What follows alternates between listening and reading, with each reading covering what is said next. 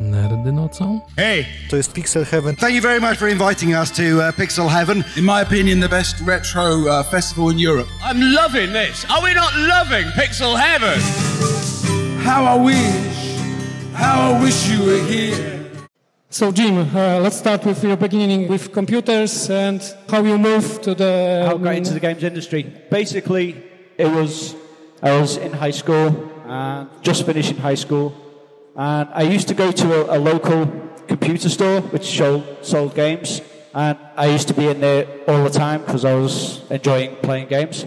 And I started because I've been there so many times. I was asking the guy behind the counter. I said, "I don't suppose there's any um, local companies that make computer games." thinking they were like in London or, or somewhere else. And he said, yeah, we, there's quite a few, because little did I know, like the Northwest was a big part of the, the game, no, the, the boost of the games industry in the UK. And thankfully, I, I asked him if, the, if there was any chance he could get me a contact number so I could ask for an interview. And I got a phone call from him saying that they've got a company. And the first company was uh, Console Computer Systems and I did a port of a game called Throne of Fire, which was you probably know him if you're into the Spectrum games, Mike Singleton. So there was like no pressure because he was like a big legend even then when I started all those years ago. So, uh, what age you were uh, when you started as game developer? I started um, basically, I think it was two weeks after finishing school, just after going from the. So, 18? No, we, we, we finished school at um, 16, so I was about 17. ah, okay. Yeah. Your first computer was. My, my first computer was a Sinclair ZX81. Actually, no, it was a, sorry, it was a Commodore VIC-20. I wanted a ZX Spectrum, but unfortunately, my mum couldn't afford a ZX Spectrum, so she ended up swapping it for a ZX81, which I didn't mind because it's still a great machine, the ZX81. And um, played 3D Monster Maze, and that helped get me through, like, persevering with writing games for the ZX81. And then all the games I did for the ZX81 were in BASIC. And then Uh, there was a Sinclair magazine in the UK called Sinclair User or Your Sinclair, I can't remember which one it was, that had a printout of a little, like a sample player which played a white noise, like a sound. And because it was such a small routine and it was written in hex numbers, because like most basic programmers didn't know what the hex numbers meant. And because this routine was only such a small routine, I reverse engineered it with the numbers in the back of the Sinclair manual and then found out what it was doing and progressed from there. So, uh, we are in uh, your time of uh, special effects. Uh, Yep. which, so, I, I was actually working for a company called Special Effects, which was run by Paul Finnegan and Jonathan Smith, who you probably all know. He's did an amazing games uh, collection on the, the Spectrum. And he worked for Ocean, and him and Paul split from Ocean and started Special Effects in Liverpool, because Ocean was in Manchester. It was easier for them because they lived closer. And I, also lived closer as well, so it was perfect for me. a few days ago, Mitch posted on the Secret Lover group on the Facebook old ads for, from Ocean to acquire the programmers. And so may- maybe it's good to ask you what was the reality of working for special effects for the ocean? Yeah, yeah. When Uh, have you have you uh, made a special uh, I don't know develop environment for for, for uh, your work, or you used uh, typical um, I don't know assembler or Yeah, I, I used to use the Zeus assembler for the Spectrum. I can't remember the name of the company that did it, but it was uh, Simon Brattel who helped work on it. Some of the Spectrum guys in the community probably know. And when we went to Ocean, well, when we were working at Special Effects for Ocean, we started using their own inbuilt, well, Ocean's assembler, which was written on an ST and then we'd write the game on the ST and then port the code, well, download the code through RS232 to the Spectrum. So. What, what was uh, typical time routine for the mm, porting game for uh, ZX For Spectrum? the Spectrum, uh, it was all in machine code in Z80. Okay. Uh, wh- what is the reality of porting the then? What's the reality of porting the game Oh, porting again. to, uh, To doing it now? Yeah. Yeah. Um, well, back in the day, there was no internet or anything like that, so you you, you couldn't ask someone for help or go and search a YouTube tutorial, and you have to you had to do it all. yourself. Is that what you meant? Yeah. You had, you had to do it all yourself and work it out yourself. You could ask some other people, but we never used to. So approximately it was. So uh, you told me one week for porting the Yeah, game. uh, th- when we bought the games, we, we would do the um, like the Spectrum version in about three months, and then we'd get about a week to do it to the Amstrad. So it was really tight schedule because we didn't have enough. Well, the special effects didn't want to pay for an artist for the Amstrad. So if there's any Amstrad users in here, I'm sorry for sorry for not having proper 16 color games for the Amstrad. So because we had such a tight schedule, we had to get the Spectrum version ported across directly to the Amstrad and use the Spectrum graphics. So your main work was to port arcade games. Yep. Uh, porting arcade games was a tricky situation because basically we had to be good at playing games because what they would do is they would bring us a suitcase with a piece, an arcade PCB in and we'd hook it up to a telly and then we had to play the game visually and then like look at what's what the baddies were doing, how they interacted with you, how they shot, how frequently they shot basically copy the game visually and we actually recorded it. So, and because I was a good game player even back then, I was the only one that could play through the whole of the games. And so we'd get someone to video me playing the game and then the artist would map out the layout of all the levels and the positions where the baddies come in and then we'd Okay. get that done. Uh, Jim, maybe you will show some your, some gameplay from your Spectrum Spectrum games, Yeah, and you will talk about uh, the reality. What was the the biggest challenge uh, when you've been uh, programming them? Okay. Yeah, the, uh, the biggest challenge was a getting it, getting an arcade game to fit into 48k was really really awkward because a lot of the games like Midnight Resistance and Cabal they had a lot of graphics and getting that to fit into 48k was really hard. Okay, I will Took a lot of time. came off the stage to, to Yeah. fire up the games. So will leave you. I will leave you with the Yeah, with the games. Okay. And here we've got an old Spectrum Plus, as you probably know, but this isn't any Spectrum Plus, it's a Spectrum Next inside. So it still connects to a normal Spectrum, can still connect to a normal Spectrum case. This was Throne of Fire, one of the, the first games that I made for the Spectrum. And one of the difficulties with doing this was dealing with Mike Singleton.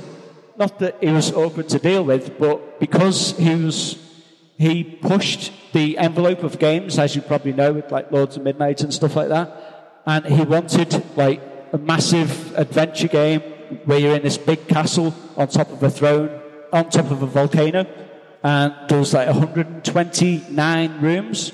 Which, if any of you used to computers, 129 isn't very computer friendly. It's 128 would eight have been bits, not seven. Yeah.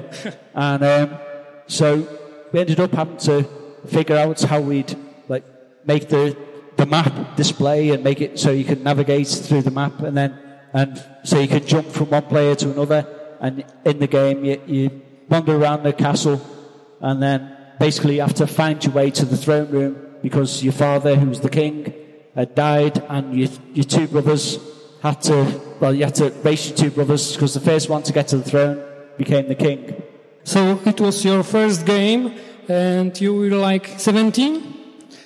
Cabal was again an arcade uh, conversion, which when we were given the game, I was like, how the hell am I going to get that onto the Spectrum? Because there was lots of colour, there was lot, a lot of sprites going on at the time, lots of baddies to shoot, and they had to go behind stuff and in front of stuff, and you had to be able to blow things up that they could go behind, and then they'd be you could see them going around the back of the buildings when you blow the buildings up. So that was a challenge in itself as well. Yeah, it's not typical uh, arcade game on the Spectrum because you have a crosshair to aim. Yeah, not, Yeah. not not moving the uh, my hero. Yeah. It, it was it was awkward as well having to like figure out how to use the control, or the joypad, or the joystick, to do all the extra things that you could do on the game. Because there was, you can actually, if you press left and right, you're not just moving like the the the sights left and right. You actually got a character that you need to run around as well. So you have to avoid the bullets. So making the game play that felt natural with the same input control but with one button. So it went through quite a few iterations of like, do we make it so you pull down to make the guy sit down and stay? But that didn't feel right. And then we ended up how it was. Right. Next one, Midnight Resistance. This and Cabal, with them being arcade conversions, are also two of the most my most recognised games at these events. Again, Midnight Resistance was the an arcade cab that was brought to us in a briefcase, and then this game. I don't know if you've played the original in the arcades, but this game was massive, and there's a lot in it. And again, to get to get the whole, everything that's in the, the game in this, the only thing that was missing was two player because I didn't. I think there was nine bytes left at the end of, of writing the uh, the one player version. I wanted to make sure I got absolutely everything in, so I even included um, like there's some cutscenes further on in the game where it shows a little a video of like the the baddie that you're chasing after.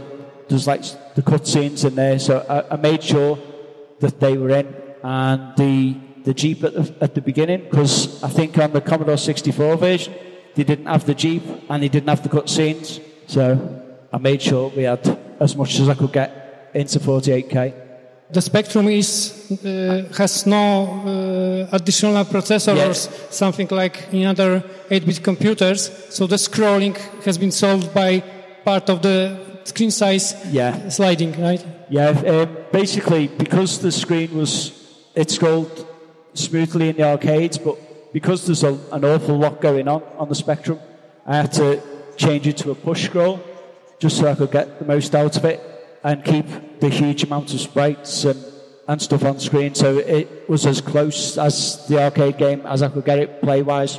The last one. The last one, I didn't write this one. This was the Spectrum version, which was done by Joffa. Yes. But I did convert this to the Amstrad. And when we were first given the project, it was, right, Batman, the, the um, isometric game had done really well. Batman, the movie game, had done really well. So they wanted another Batman game. So we thought, well, everything's movie wise has been done apart from comics. So we based it around a comic, which is why we've got the cutscenes. Yeah, but how it got that you haven't done this this version? Uh, you did the the Amstrad port. or- Yeah, I did the Amstrad So, port. so the for Spectrum version was already done. And no, uh, no, basically, um, Joffa was Jonathan Smith was had finished doing his game, and I'd finished doing my game at the same time. And so when we come to doing this, it was like, well, we don't know what what to do. We've only got one game in to do, so we'll both do it. Okay, so it was split at work, right? Yeah. Okay. Okay, Jim. Uh, let's talk about about the last part, and for me, very interesting. I call it personal project. So basically, the things you are doing uh, without intention of commercial income. I mean, the money. So Yeah. you did something really crazy. You put Manic Miner on the board of arcade Pac-Man. Yep. Pac-Man arcade board. Yeah. I'm not sure if, if, the, if this is the same board you are yeah, you I've are got same using. board. That's a graphics board up there. Or Yeah, it's a midway, midway version. Yeah. Of- um, just basically, if you change the, the ROMs for the, the sprites and the character set and the code, then you can have Pac-Man Miner Man on. So it's arcade uh, same Zilog uh, Z80. Say it again. Yeah, Well, it's the same processor than in Spectrum, or no, it's it, it only works on Pac-Man hardware. ah, okay. Yeah, it's called Pac-Man Miner Man because it it's Manic Miner running on Pac-Man hardware. And when when I did it, because I was talking to a guy called John Studley, who's the UK Pac-Man, well, the UK Pac-Man champion, and he's also got um, he's the only UK person to get a perfect score on Pac-Man by freehand. And I was asking him how to play Pac-Man, and he gave me a few tips because obviously he's perfect at it. And because I, I, back in the day, I could only get to like level four or five because I just kept getting caught because I hadn't realised they were going on certain patterns. So what I did was when I was talking to him and searching for stuff that he told me to search for on the net, I found the um, the technical specs for the Pac-Man hardware.